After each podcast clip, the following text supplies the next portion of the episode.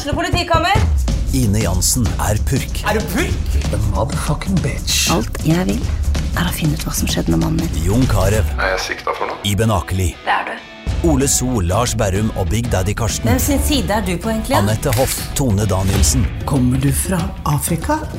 Jørnis Josef, Nesten. Kløfta. Trond Espen Seim, Det er synd å si det, men det var feil mann som døde.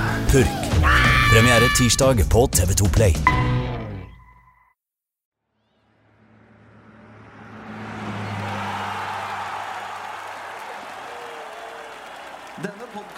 Er levert i samarbeid med Ford. Hjertelig velkommen til Pyro og Pivo.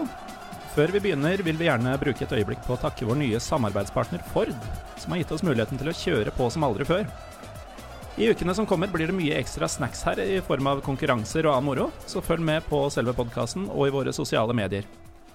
Samtidig vil vi oppfordre deg som lytter til å gå inn på vår Facebook-side ved å søke opp Pyro og Pivo, eller skrive inn facebook.com slash pyropivopod, og svare på en kort spørreundersøkelse om innholdet i podkasten, som ville være veldig nyttig for oss. Jeg tenkte også å minne dere på at vi har quiz på pokalen denne torsdagen, altså 30. november klokka 19. Med meg har jeg Freddy Dos Santos, så det blir moro. Kanskje blir det faktisk nevekamp mellom eh, Morten Galaasen og Freddy Dos Santos. Den som dukker opp, får se. I dagens episode derimot handler det om Frankrike.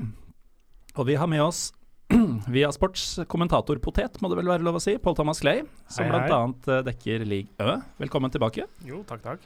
Og ikke minst takk for sist. Uh, vi har jo både holdt quiz sammen og vært på samme vinnerlag på en annen quiz.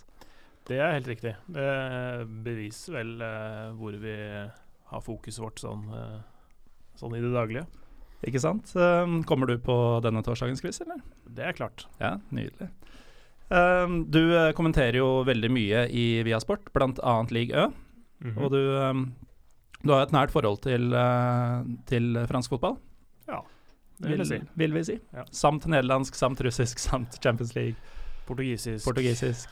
Ja, alt mulig rart, egentlig. Men, eh, men det starta med fransk fotball i november 2009, og siden så har jeg ikke sett meg tilbake, egentlig. Det er, det er det, ofte der jeg føler meg hjemme når jeg først uh, får, uh, får de mulighetene. Så det er veldig, veldig gøy, altså. En som man får inntrykk av, i hvert fall gjennom Twitter, at uh, aldri har sett noe annet sted enn til Frankrike, det er VGs stjerneskudd Ariles Old Sada. Velkommen til deg. Tusen hjertelig takk for det. Omsider har vi fått deg hit. Ja, det tok litt tid og noen forsøk. Jeg tror jeg har prøvd siden mars. Jeg. Men du må jo leve drømmelivet. Det er jo Hver gang jeg spør deg, så er du enten i Makedonia eller San Marino. Kanskje ikke drømmelivet. Du er mye på reisefot. Jeg er mye på reisefot. Eh, Du har vel prøvd tre ganger denne høsten her. Første gang så var jeg i Lyon for å møte Ada Hegerberg. Andre gangen så var jeg vel i San Marino med landslaget, og tredje gangen var jeg i Makedonia med landslaget. Så du har eh, Bortsett fra det så har jeg egentlig rei ikke reist sånn ekstremt mye. Så du, du har nok bare valgt litt feil eh, tidspunkter å spørre på. For jeg, ikke, jeg skal ikke skryte på meg å være så busy. Eh, men det er et veldig, veldig fint liv som jeg eh, vil nesten kalle et drømmeliv, ja. Men du hadde jo et eh, veldig busy semester, var det vel? Da du forrige sesong oppholdt deg på Rivieraen i noen måneder. Ja, jeg var på utveksling fra altså tredjeåret tredje året på Journalisthøgskolen i Oslo. Så er det utveksling, og da var jeg i Cannes. Så jeg bodde i Cannes. Hadde for så vidt base der, og, og utnytta et ganske romslig en, en ganske romslig timeplan på, på skolen. Det var ikke veldig mye å gjøre sånn sett. da. Eh, Det var et par timer her og der, men bortsett fra det så reiste jeg litt rundt. eh, til NIS, til Saint-Étienne, og, eh, og jobba for, for Josimar og lagde noen reportasjer og besøkte noen stadioner. og det var, eh, det var jo et drømmesemester, da. Jeg er eh, glad i eh, den typen klima og den type fotball, så det var deilig. Og det var jo mye inne og besøkt eh, klubbene. Det har jo Josimars lesere fått veldig stor glede av. Eh, Men du var jo også på veldig mye fotballkamper, vil jeg tro. Ja, det var jeg. Eh, og det var mange Det var et journaliststudie, og der er de flest, spesielt de fleste av gutta jo, ønsker jo å bli sports, sportsjournalister. Så det, det ble til at vi veldig ofte dro på torsdagskveldene og så NIS i Europaliga. Uh, gruppespillet, og så dro vi på en del seriekamper. da, så vi var, eh, Jeg var både og så eh, Marseille-NIS, Monaco-NIS, Schalke 04 mot NIS, eh, Nantes mot NIS. Jeg tror jeg var, var vel på Allianz Riviera der eh, seks-sju ganger tror jeg, i løpet av det, det halvåret. Så det var jo helt, helt fantastisk. Det er en nydelig arena, bortsett fra at det er utrolig kronglete å komme seg frem dit. da, For de har ikke sånn, um, tre, sånn trikkegreier før 2019 eller noe sånt. Så det, akkurat det er litt utfordrende. Bortsett fra det så er det helt prima. Jeg var veldig fan av Riktignok uten å ha vært der, men på TV så syns jeg gamle stadionet til NIS var så fantastisk. Fordi hver gang de scora, uansett hvilket mål det var mot, så var det sånn Argentina-aktig ras. Ja. Hvor folk bare så ut som de skulle kveste hverandre hver gang de putta. Uansett om det var en redusering eller 4-0-målet. Ja, helt enorm stemning på, på NIS der. Det har blitt litt mer sånn eh, litt, litt roligere på den nye stadion, for det blir ikke den samme råskapen, men, men i svingene der så er det enorm stemning. Og det er jo en klubb som har en veldig sånn definert ultraskultur, da. Eh, beste historien sånn sett er jo Alexis Bossetti, som spilte i Sarpsborg eh, i noen meget mislykkede måneder her i 2015, var det vel. Uh, han var jo ultra uh, oppvokst, og når han var skada eller suspendert, så ble han med på borteturer, eller var han på hjemmekampene sammen med ultrasupporterne. Så det er, det er en veldig sånn veldig sterk, litt sånn italienskinspirert uh, ultraskultur. naturlig nok, fordi det ligger der det gjør. Det blir jo hevda, jeg vet ikke hvor riktig det er, men at uh, i Sør-Frankrike så er det mer sånn italiensk ultrainspirert, mens i nord uh, at de har henta litt mer fra den skal vi si nederlandske, britiske, Mm. litt sånn mer kaldblodige stilen. Eh, og du var jo mye i sør, og det er jo Det må jo være litt i det, for du har jo Nis og du har Saint-Étienne ikke langt unna, du har Marseille. Det er ganske heavy gjenger eh, bak disse målene Spesielt Nis og Marseille. da, Og så har du jo Bastia på Korsika som er uh, verstingene. på krigsstien. Ja, sånn sett. Så nei, det, er- det er sant det, altså. Santetien er litt nærmere britisk. Der har du en stadion som, som minner veldig om å være på en Premier League-stadion også. Mm. Men de har jo to svinger av 9000 i hver. Ja, så- er du gæren. Det er uh, enormt. Der finner du ikke en engelskmann. Pål Thomas, du har jo kommentert uh, veldig mye fransk fotball fra forskjellige regioner. Um, Ja. har du noen favorittstadioner å kommentere fra? Eller favorittlag å, å følge? Det, er, det- har svingt litt, grann, eh, altså litt i takt med diverse lags sportslige suksess og sånne ting. For det, det, blir, det er en del stadioner som blir ganske eh, glisne når det går dårlig, men som kan være helt fantastiske når det går bra. Eksempler? Eh, Montpellier i mesterskapssesongen deres, i 2011-12-sesongen. Da var det smekkfullt eh, stort sett eh, hver kamp. Nå er det eh, trist. Der, der var jeg faktisk i Nå husker jeg ikke hvor, når det var, men det var et par år etter at de vant ligaen. Da var jeg på hjemmekamp mot Marseille, som skal være et svært oppgjør. Men det var Problemet med den stadion er at den er så åpen, og sånn er det så, det blir så høyt oppe, da. Så, så um, det blir den litt sånn der er helt Ja. sånn uh... Så det blir sånn no kamp-følelse, bare at det er ikke like fin fotballbane og ikke like mange folk der. da Så det blir litt sånn tomt og for åpent. Så det hadde jeg ikke noe godt inntrykk av. Nei, eh, altså, men det men som sagt, i, noen steder svinger det i takt med sportslig suksess, men et, et sted som jeg syns alltid eh, Det alltid er god stemning, da. Det er eh, i Nant. Nant syns jeg har Mm. veldig Der er det veldig god trøkk. Selv om det er et lite stykke fra bak mål, for det er, det er en sving og ikke en sånn kortside, Mm. da. Men uten løpebane. Ja, men uten løpebane. Men, men allikevel så er det, det er en li, litt avstand, men allikevel så er, det, så er den ganske slak, den tribunen der. Altså, så du får, det, det ser mer ut som et sånt hav eh, av eh, supportere enn en, en elevert tribune, da, for å si det sånn. Der er det veldig bra. Og i Lans, når de spilte Der var, hadde jo en stadion som romma flere tilskuere enn det som bodde i byen. Eh, Det er den tror- Felix Bayer, er det det? Ja. Bolaer, ja. Ja. er veldig, Mm. veldig 42 000 tror jeg den tar, og så bor det 35 000 i byen eller noe sånt noe. Men, men, det, men det er jo et regions, eller sånn område, altså Lans og omegn, da. Mm. Eh, og der oppgjørene mot Lill, f.eks. Derby Nord. Fantastisk. Ja, for de ligger veldig tett. Ja, det er ikke så Jeg husker ikke hvor mange kilometer det er. Men det, er, det er veldig kort, så det, ja, det, er, det- det, er noe sånn, det er noen få mil. Altså, så, Jeg husker eh, vi eh, skulle en liten gjeng eh, Vi hadde base i Brussel og skulle på Lill Fenerbahçe i det som Jo, det var vel Europaligaen da Nei, det var Uefa-cupen, kanskje. En av delene, uansett. Fra Brussel så var det omtrent samme F om du skulle ta toget til Lill eller Lans. Endte dessverre med at det var et eh, stort uhell på toglinja et par dager før, så det gikk ikke noen tog. Så det ble ikke noe av. Vi fikk heller hygge oss med Brussel, og um, endte med å se kampen for øvrig på en tysk, eh, nei, tyrkisk herreklubb i, eh, i et litt sånn shady område av uh, Brussel. Men det du, det du nevner med, med, topp, altså at det er stor forskjell mellom, mellom når det går bra og når det går dårlig det er, det, Den verste forskjellen der er jo Marseille. da. Der, der, er det jo ekstremt utålmodige og varmblodige supportere som forsvinner når det går veldig dårlig. Og så er det, vil jeg påstå, en av verdens beste stemninger når det, når det koker og går bra. da. jeg husker jeg var der det er min, min, beste, min beste stadionopplevelse noensinne, er eh, da jeg var i Marseille eh, under sesongen hvor Bielsa var der, altså eh, 2014-2015. Da var jeg på Marseille mot, uh, mot PSG. Uh, og da kjempa jo Marseille om ligagullet, og, og til pause så leda de 2-1. Og den, den, stemningen som var der da, det helt ubeskrivelig. Og det var jo da det første klassikken, da, første kampen mot PSG på etter at de bygde ut stadion og gjorde den mer moderne inn mot EM i 2016. Og da husker jeg at jeg satt meg eh, For da var jeg på ferie med foreldrene mine. Vi har et sommerhus som ligger to timer unna Marseille. Og så sa jeg bare ba, ba, dem bare kjøre meg inn til For bare jeg som hadde fått tak i billett, da var helt utsolgt. Ba dem kjøre meg inn på morgenen så tidlig som mulig. Så satte jeg meg på den der uh, gamle uh, Den gamle liksom havna i Marseille. Uh, utrolig altså, Hvis du skal dra til Marseille, så anbefaler jeg bare å gjøre det. Bare sett deg ut og så se på folk.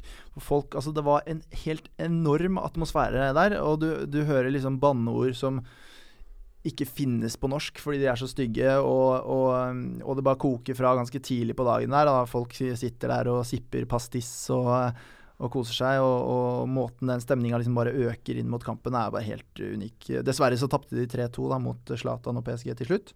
Men uh, herre min hatt, for en stemning. Det, var, det, anbefaler jeg alle å dra til Marseille, gjerne når det går uh, litt bra. Og det gjør det akkurat nå, så nå tror jeg det er ganske god stemning der. Jeg har i mange år hatt en spesiell uh, fascinasjon for Marseille. Egentlig litt vanskelig å si hvorfor. Uh, det har vært åsted for en del sånn internasjonale uh, thrillere og, og, den type ting. Men det, det, har gått såpass langt at jeg faktisk så den relativt dårlige Marseille-serien på Netflix. Ah. Bare fordi man, man, fikk se så mye kule bilder og sånn ja. derfra. Men Arild, du nevnte jo før vi gikk på her at uh, dette derbyet som du var på, eller det er jo ikke et derby, det er jo milevis mellom Marseille og Paris, men ja. uh, det er jo det største oppgjøret, uh, klassikeren, mm. og kalles jo både ene og det andre, bl.a. nord-sør-derbyet. Ja. Men det har ikke oppstått helt organisk, har det vel? Nei, og det er litt av greia med Frankrike, er at det er, finnes egentlig veldig få lokalderbyer som er hete genuint, da, sånn som man har i mange andre land med lang historie og sånn. Eh, den kalles jo Den ble jo døpt Le Classico da, på starten av 90-tallet, dette oppgjøret, for å prøve å skape et slags Real Madrid-Barcelona. Uh, og det var fordi at i PSG så um, Eierne i PSG var Kanal Pluss, som også var rettighetshaver for ligaen på starten av 90-tallet. I en periode hvor man virkelig ikke hadde noen store klubber, og man mangla en sånn temperatur. da. Og så hadde du Bernard Tapie, som noen år senere ble tatt for kampfiksing og diverse. Um, og sammen så bestemte de seg for å uh, skape et hatoppgjør, da. Skape et derby i Frankrike på starten av 90-tallet. Ehm, som ble hetende Le, Le Classico. òg. og da bygde de Og det er, altså, det er, jo selvfølgelig veldig mange ting å bygge på her. Altså, det ble jo på en måte naturlig at det ble sånn, men det fantes ikke. Men du har jo en enorm sånn derre forakt for uh, snobbene fra hovedstaden, da. Uh, så det blir jo sånn det blir provinsen mot hovedstaden, og det er sånn sett et veldig naturlig derby. Men det fantes ikke før den tid. Da var det ikke noe rivalisering. Eh, og da ble jo de to klubbene bygd opp til å bli de to store storhetene mm, på starten av 90-tallet. Så et uh, kunstig derby, men som uh, har blitt overraskende ekte, og føles veldig ekte i dag, da. Ja, for det er lite som tyder på at det ikke har en holdt på å si, genuin rot når man ser det i dag. Det mm. er, mm, ja, og det, jeg tror folk blir litt overrasket over å høre at det er såpass ferskt, da, og mm. at det er litt uh, kunstig.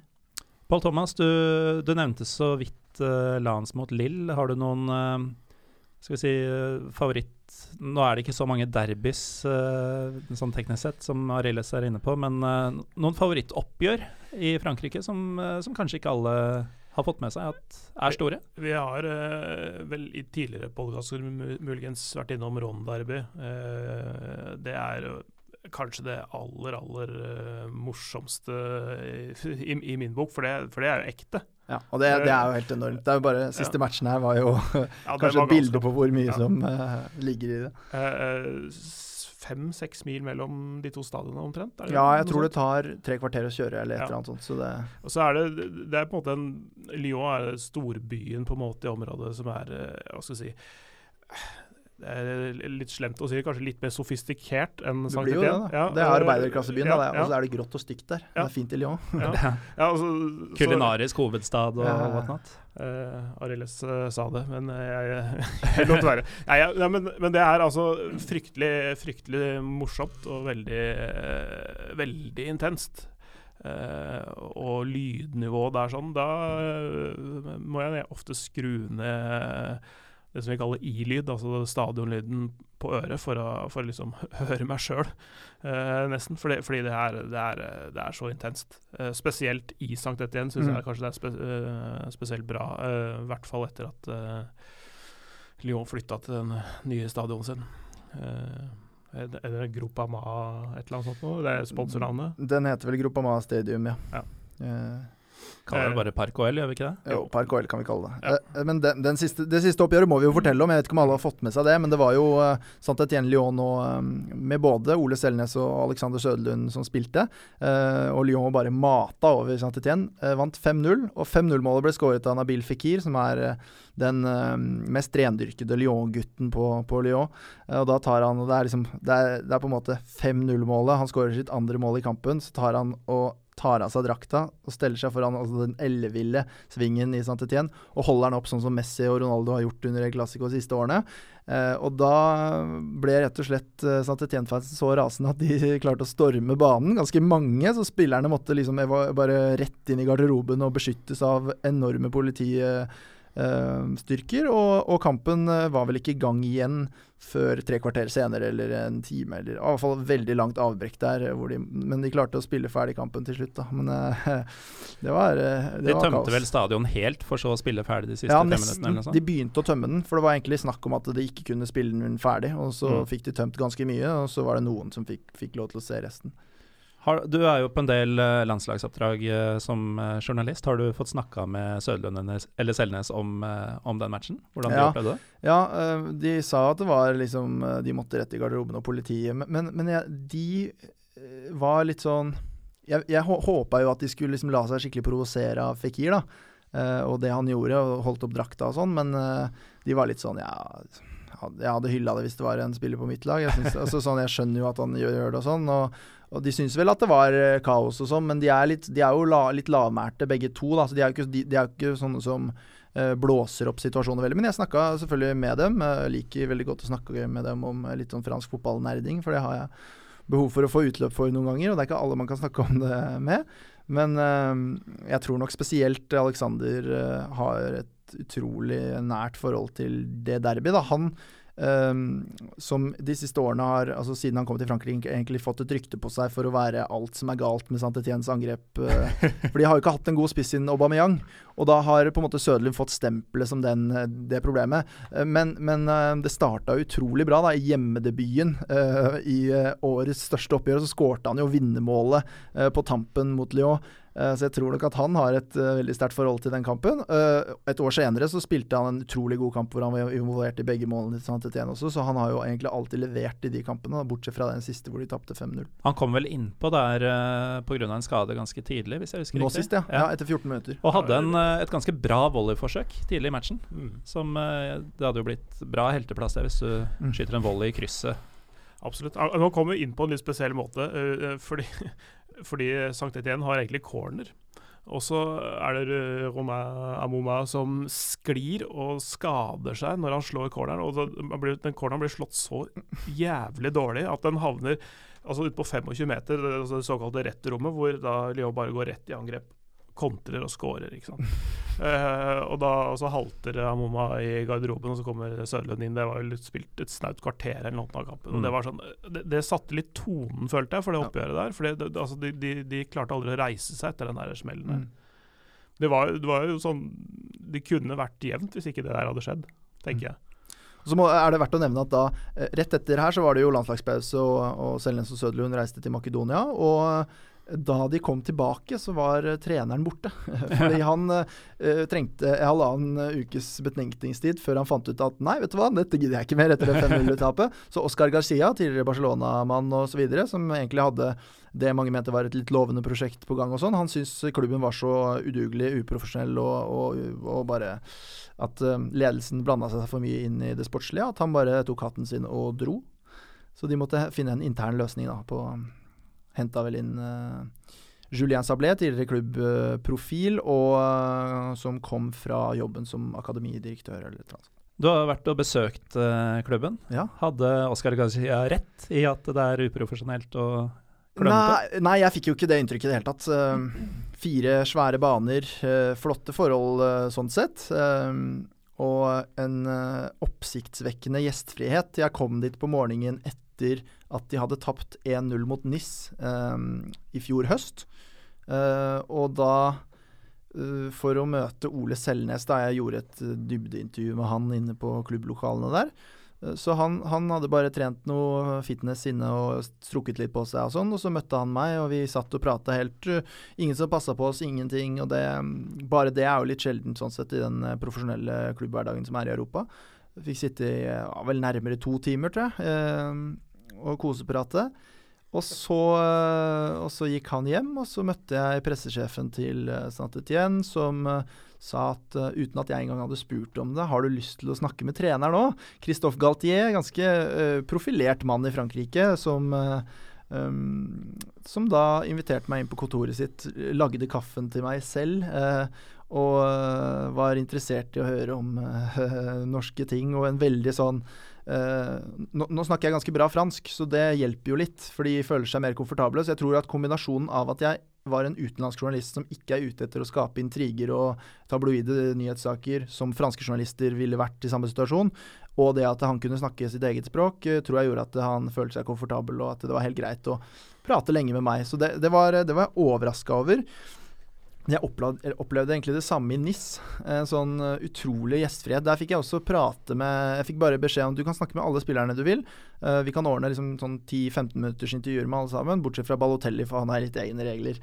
Men der var det også sånn at um, uh, i NIS så er liksom klubbhuset ligger på en måte um, helt åpent. da, Det er ikke noe, det er, det er ikke noe gjerde rundt og sånn. Så ligger garderoben til klubben og litt sånne ting rett over en liten sånn grusvei.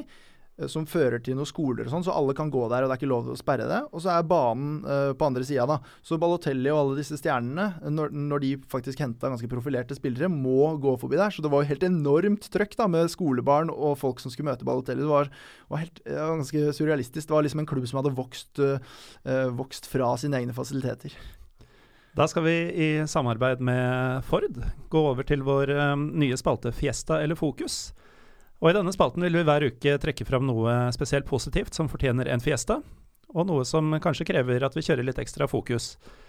Vi kan jo begynne med fiesta, og vi har vært innom uh, laget så smått, men uh, Lyon De bare spruter inn mål uke etter uke denne høsten. Og I en sesong hvor jeg trodde de ville få det tøft etter sine standarder.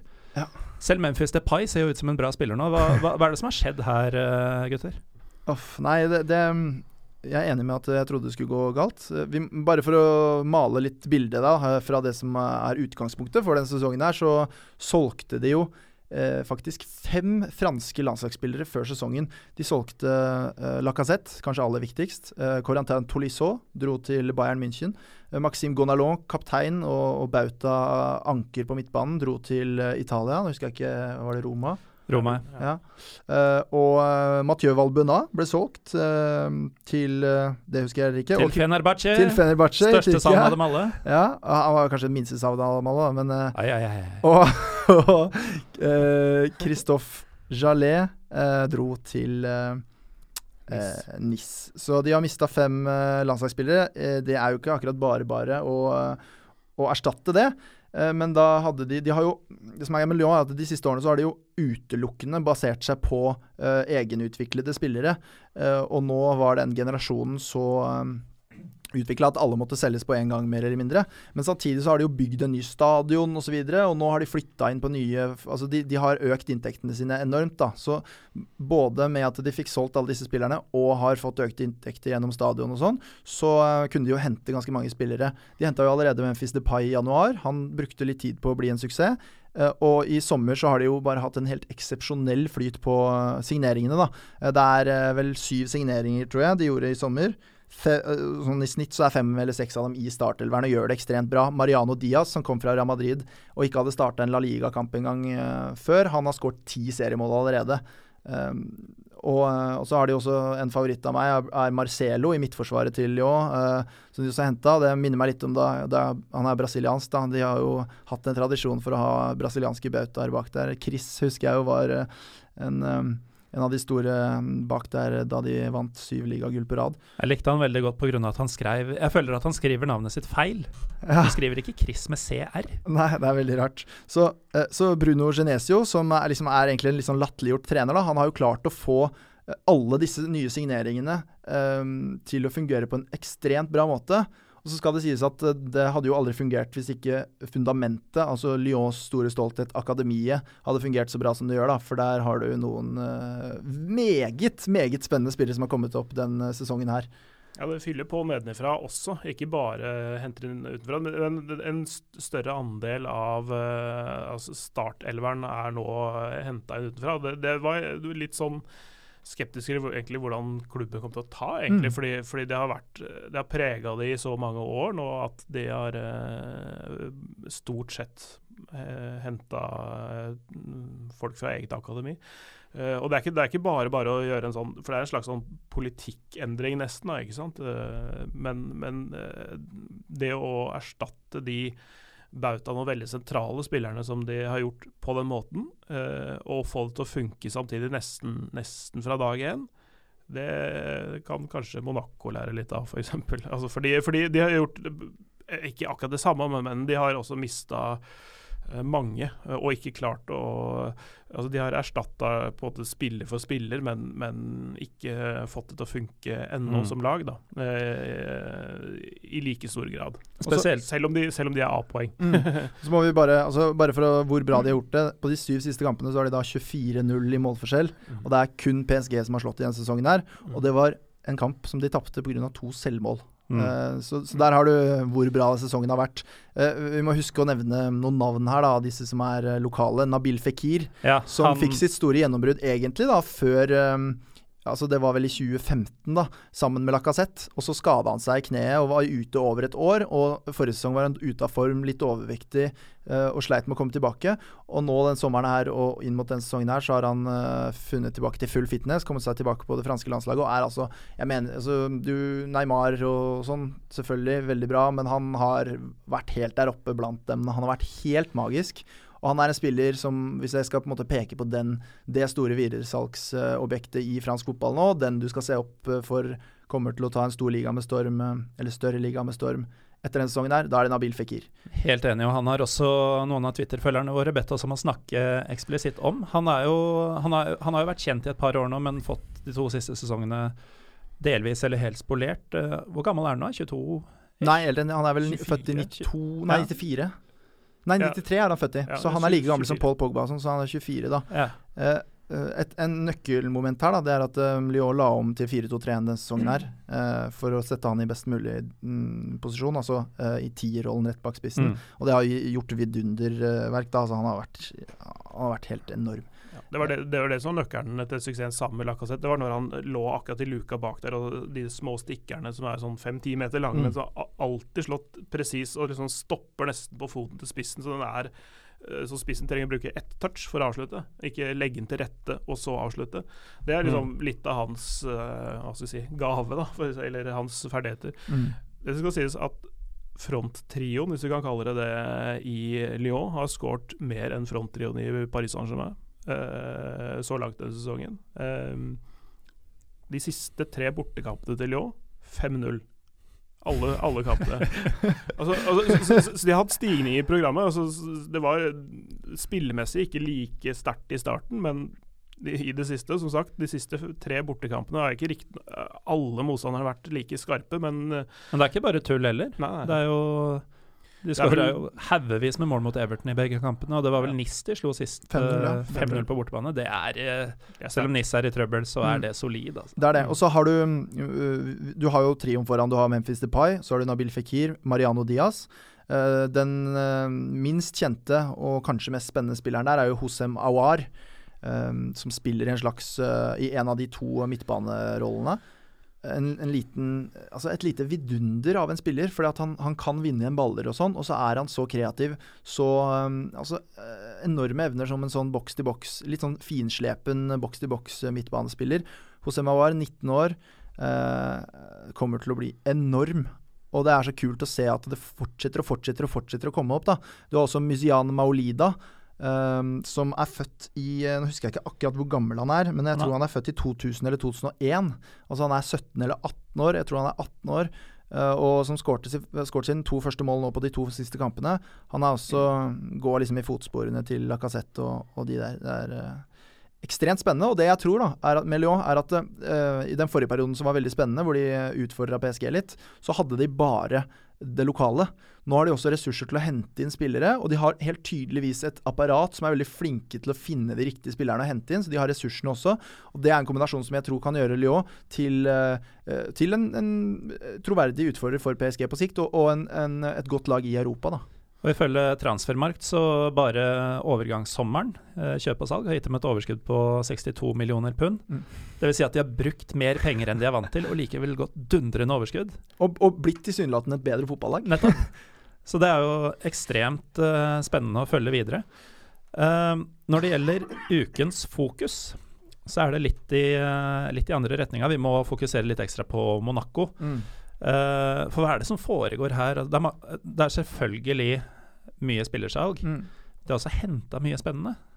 Ja, de har det. Uh, igjen så må vi gå litt tilbake i tid. da. Uh, Monaco kom jo til kvartfinalen i Champions League for to år siden, altså 2015. 2014-15-sesongen, eh, hvor de røyk ut mot eh, Juventus. Da hadde de også kommet til, til en par Det var jo etter at de hadde bestemt seg for å ikke kjøpe inn masse superstjerner, men heller satse eh, langsiktig på unge spillere osv. Uh, da hadde de jo en generasjon med både Uh, både Marcial, uh, James Rodriguez, uh, Jannik Ferreira Carasco osv., som ble solgt den sommeren 2015. Uh, da hadde de en påfølgende sesong hvor de fikk en ny uh, dyp dal. Uh, stallen var ikke like bra osv., og, så og det var spillere som trengte lengre tid for å etablere seg og, og, virkelig blomstre. Så hadde du fjorårssesongen som var et eventyr uten like. men men uh, igjen så kom det jo en sommer hvor de ble nødt til å selge. Benjamin Mendy ble solgt, Bakayoko ble solgt, uh, Mbappé ble solgt, Bernardo Silva ble solgt. Uh, Valère Germain ble solgt. Altså det er fem spillere fra førsteelveren som ble solgt. I tillegg, da, denne sesongen her så har Thomas LeMar, som er lagets beste spiller, vært mye skada. Uh, du har Jibril Sidibé, som er den klart beste høyrebekken, som også har vært uh, ganske mye skada. Det er to franske landslagsspillere.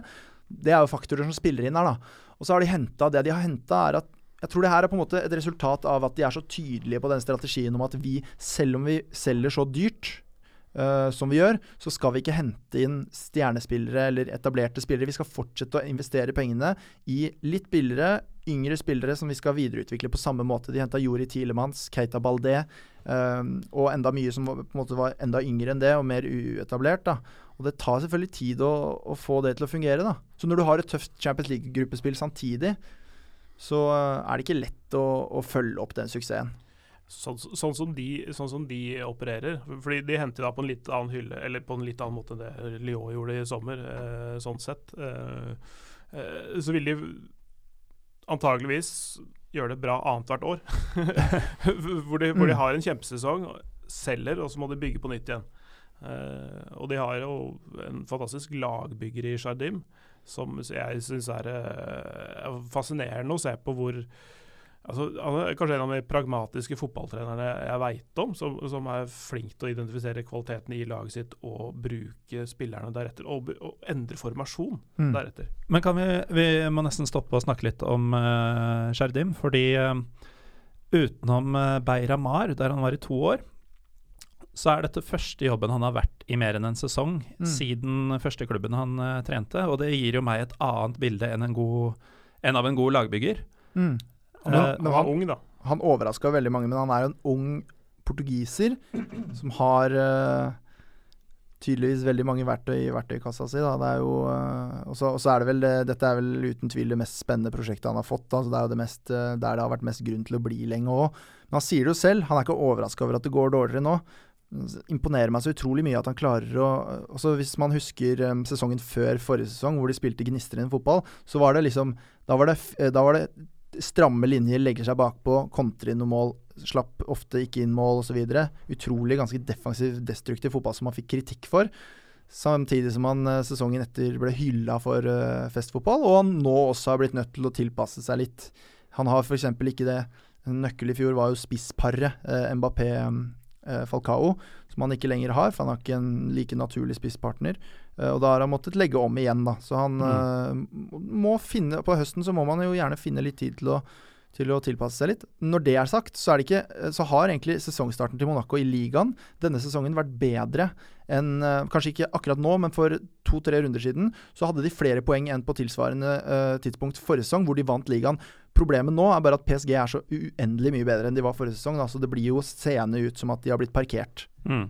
Så det er ikke noen, eh, noen umiddelbar misnøye med Sjardim? Nei, nei, nei, og jeg er ikke bekymra i det hele tatt, jeg heller. Jeg, jeg tror at det, det er litt kortsiktig å, å kritisere Monaco for det her, for det her er helt naturlig i det, det veldig beundringsverdige prosjektet som de gjør. da. Ja, for de, ligger faktisk av poeng med Lyon, og, altså da på tredjeplass på en litt, Mm. med en litt dårligere målforskjell enn Lyon. Så, så, så det, ikke, det, det høres ut som de øh, ligger midt på tabellen eller lavere enn det, men, men det gjør det altså ikke. De, de ligger i, i toppen her, øh, men det er ni poeng bak PSG. Mm. Uh, så det, det, og det er det ingen som henter inn. Ing, uh, så så jeg, jeg, jeg sa det etter uh, Le Cachik nå i, mm. i helgen, kampen mellom Monaco og PSG at uh, altså mer eller mindre så kan de løfte det der heter vel Hexagol, det trofeet, uh, uh, allerede i slutten av november, fordi serien er i praksis avgjort. Ja, det, det er det. Den er det. Den er det. Um, da har vi fått en del uh, innspill på Twitter. Uh, reklamerte med at vi har uh, to av Norges fremste kjennere av spans, fransk fotball i studio. Og en ting som folk lurte på, det var Marius Våge, som bare skriver 'Evra'. Hvorpå Kvadrofenia slenger seg på og spør om var det rasisme fra en supporterbase som er mindre kjent for den slags? For Marseille er jo kjent som litt mer Inkluderende. sånn inkluderende. ja. Hva, du vet litt om hva som skjedde? Jeg vet, jeg vet ikke hva som ble sagt, og det har heller ikke blitt liksom kommunisert utad. Uh, hva som- om- men det har blitt spekulert i at om det var rasisme. Uh, det som skjer, er jo før, uh, før denne europaligakampen så kommer det Altså, Evra har jo vært upopulær ganske lenge. Selv om han er en utrolig gledesspreder og populær innad i spillergruppen sånn, så har han vært upopulær egentlig helt siden han kom til Marseille i januar, fordi at prestasjonene hans har vært helt elendige. Altså, det har vært tydelig at du Nå må bløffen eh, stoppe opp, fordi at du er ikke god nok til å spille her. Så han har, han har på en måte bygd opp en del frustrasjon blant fansen, og som da, da Det kan godt hende de kom eh, for å si det til han. At du er for dårlig, eller hva det var. Eller så kan det hende at det kom noen rasistiske gloser. I hvert fall, det vi vet, er at han eh, karatesparker supporteren. Og det, Man kan si mye om at, at eh, supportere på en måte må tåle litt, og at man kan ikke si hva man vil og sånn, men du skal, skal ikke som profesjonell fotballspiller sparke en supporter på noen som helst måte. I hvert fall ikke før en kamp hvor du skal starte, osv. Det, altså det Det er lov hvis du er Erik Cantona, og, Ja, og det er motstandersupporter. Ja. Nei, det, det er aldri greit å sparke folk i huet, siden det er punktum, uansett. Uh, uh, ja. eh, med mindre du driver med MMA eller et eller annet sånt. Da, da, da, da gjør man jo sånt med viten og vilje, men altså ja, det der er helt natta. Helt rullegardin. Det ble ikke så, veldig, det ble ikke så morsom den Instagram-posten av mandagen etter. Eh, Han pleide å ha sånne veldig artige Instagram-poster på mandag. og Sånn Happy Monday-greie. Så det var veldig, var veldig morsom en lang periode. Eh, Men ikke, ikke etter det Ikke der. nå lenger. Han fikk jo sparken, da, eh, fra Ja. seg rett og slett. Så eh, sånn gikk det. Han han, Ganske krystallklart. Ja, Dagen etter så var det vel at han ble suspendert og da ikke fikk lønn i en uke. Og så var det noen møter, og så fikk han uh, sparken, da. Selvfølgelig. Og det, det er helt riktig avgjørelse. Altså, han, han, han kan jo ikke fortsette i klubben etter det der. Uh, vi har tydeligvis en del følgere på Twitter som uh, ikke er spesielt språkmektige. De skriver bare et navn, og så forventer at vi skal snakke om det. Men Rasmus Wold, han skriver bare 'Malcolm'. Åh, oh, Det var den reaksjonen jeg forventa. Ja, ja, ja. Åh, herre min hatt. Um, Det er spiller, det. Det er så spiller, det. 20 år, brasilianer, spiller i Bordeaux. Et lag som de siste årene har blitt kjent som Bordeaux pga. litt kjedelig, eh, kjedelig spillestil osv., men han har virkelig lyst opp den hverdagen. Nå har de hatt en dårlig periode. I går kveld så, så jeg Bordeaux-kampen, ble vist på Viasport. Sport, og da var han fantastisk igjen. Altså, en, en så enorm eksplosivitet, eh, nærteknikk og en skuddfot. Spesielt de, eh, siden han kom til ligaen, eh, som vel er eh, snart to år siden, så er det ingen andre spillere som har skåret flere mål fra utenfor 16-meteren enn Malcolm. Så du er en, Hvis man skal beskrive det kort, så er det en liten eksplosiv, teknisk brasilianer med en uh, rakkaryser av en uh, skuddfot. Nydelig spiller. Han satte vel en uh, ganske legendarisk en i går, var det vel? Ja. Så Veldig fint mål fra det hender titt og ofte, altså. Du, du er enig, Pål Thomas? Ja, ja. Det var vel en match mot Lyon, også en 3-3-match, var det det? Var Ja, det? Ja, ja. Hvor han eh, også var, eh, var på jobb, for, eh, som vi sier.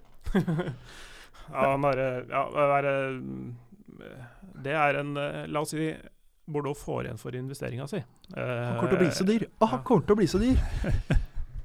Han, du liker dyre salg fra Frankrike, det har jeg fått med meg. Ja, men, men hvis man skal um, få folk til å bli litt interessert i fransk fotball, så er det jo de, de knappene der man må trykke på. Da. Mm. Folk er jo interessert i Den eh, neste store. den neste store i uh, sin klubb, eller den ligaen som de følger med på, som stort sett er Premier League.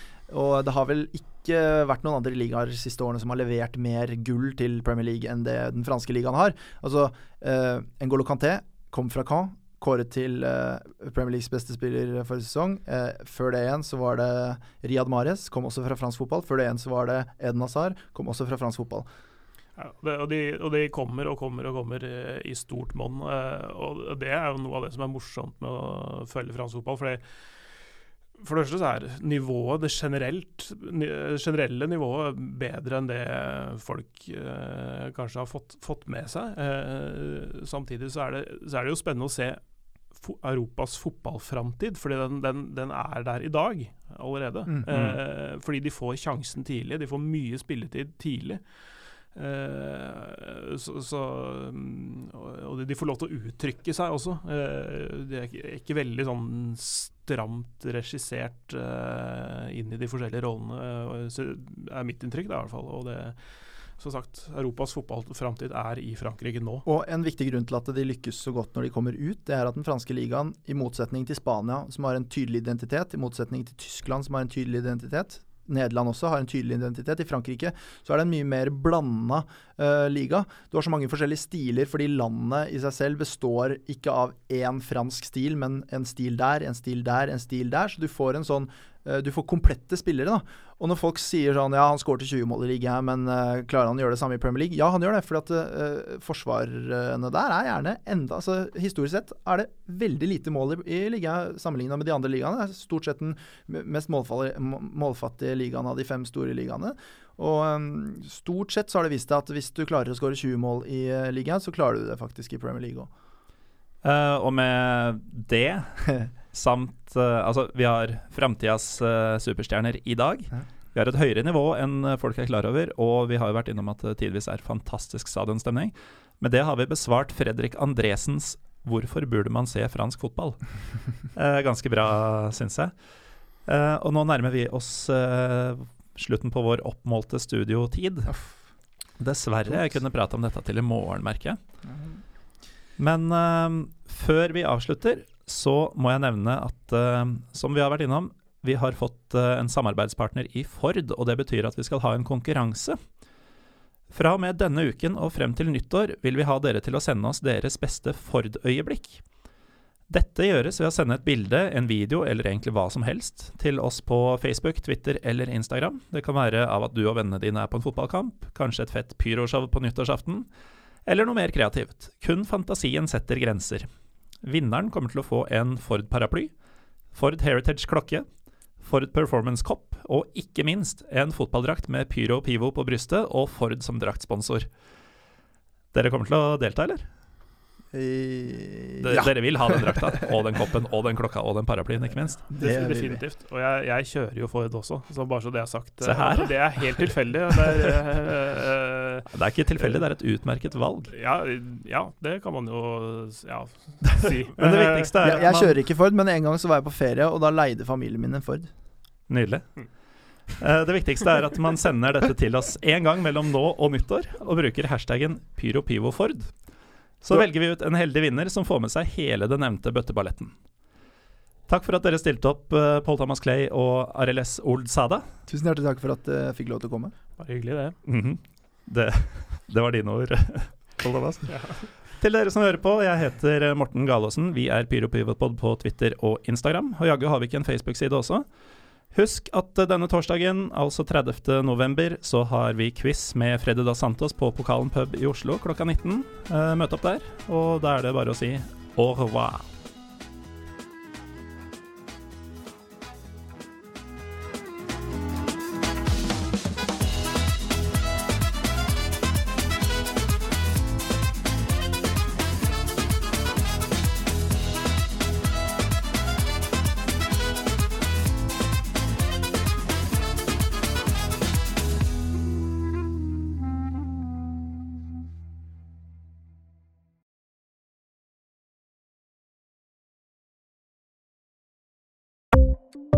Ukens annonsør er HelloFresh.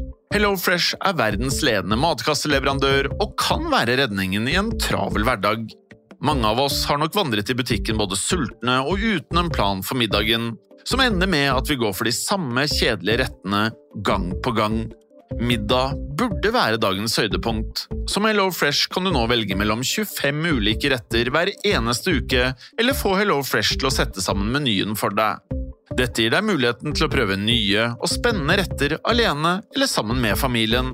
Du velger antall porsjoner og får alt levert på døren på et tidspunkt som passer for deg. Oppskriftene er enkle, og maten er lett å lage både for store og for små. Ved å få alt levert hjem får du også mer tid til å dele matgleden med familie og venner. Kanskje det frister med asiatiske tacos eller greskinspirert kylling? Da kan jeg anbefale deg om å gå inn på hellofresh.no. Her kan du bruke koden FOTBALL og få opptil 1779 kroner i rabatt på de første fem matkastene hvis du ikke har prøvd HelloFresh tidligere. Du kan også bruke rabatten hvis du har vært kunde og stoppet abonnementet ditt for tolv måneder siden eller lengre. Gå inn på hellofresh.no og bruk koden FOTBALL. Har du et enkeltpersonforetak eller en liten bedrift? Da er du sikkert lei av å høre meg snakke om hvor enkelt det er med kvitteringer og bilag i fiken, så vi eh, gir oss her, vi. Fordi vi liker enkelt. Fiken superenkelt regnskap.